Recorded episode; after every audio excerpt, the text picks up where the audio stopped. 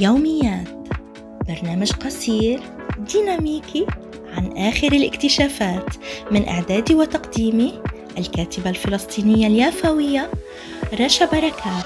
تابعونا على منصات التواصل الاجتماعي وعلى التطبيقات Spotify Google Apple Podbean وفيسبوك وكذلك عبر الصفحتي بودكاست حركة الشبيبة اليافية وحركة الشبيبة اليافية يوميات.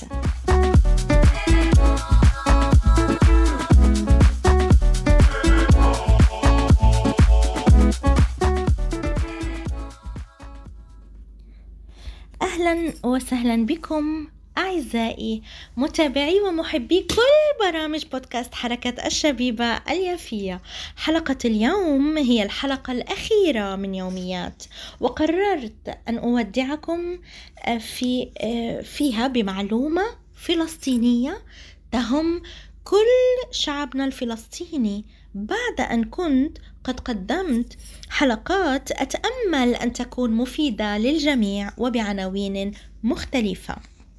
لقد خصصت حلقة اليوم عن رمزنا الفلسطيني العام لأختم برنامجي بهذا الرمز الزيتونة المباركة. فلعل أيامنا جميعا تكون مباركة.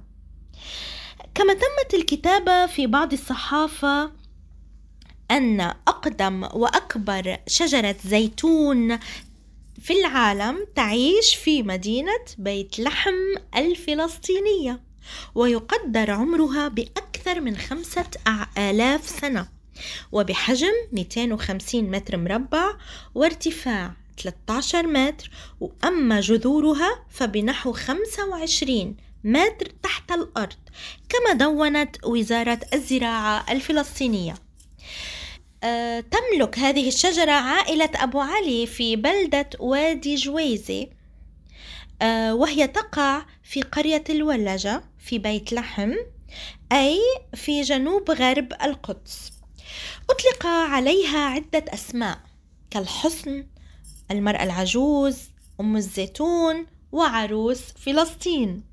وقال مدير عام مجلس الزيت الفلسطيني الأستاذ فياض فياض بأن الأبحاث تشير أن الأشجار الأكبر سنا والأكبر حجما يكون زيتها أفضل. أودعكم أعزائي في يوميات مع أقدم شجرة زيتون في العالم وهي الشجرة الفلسطينية. الفلسطينية. الفلسطينية. وأتمنى لكم جميعا أياما مباركات يوميات.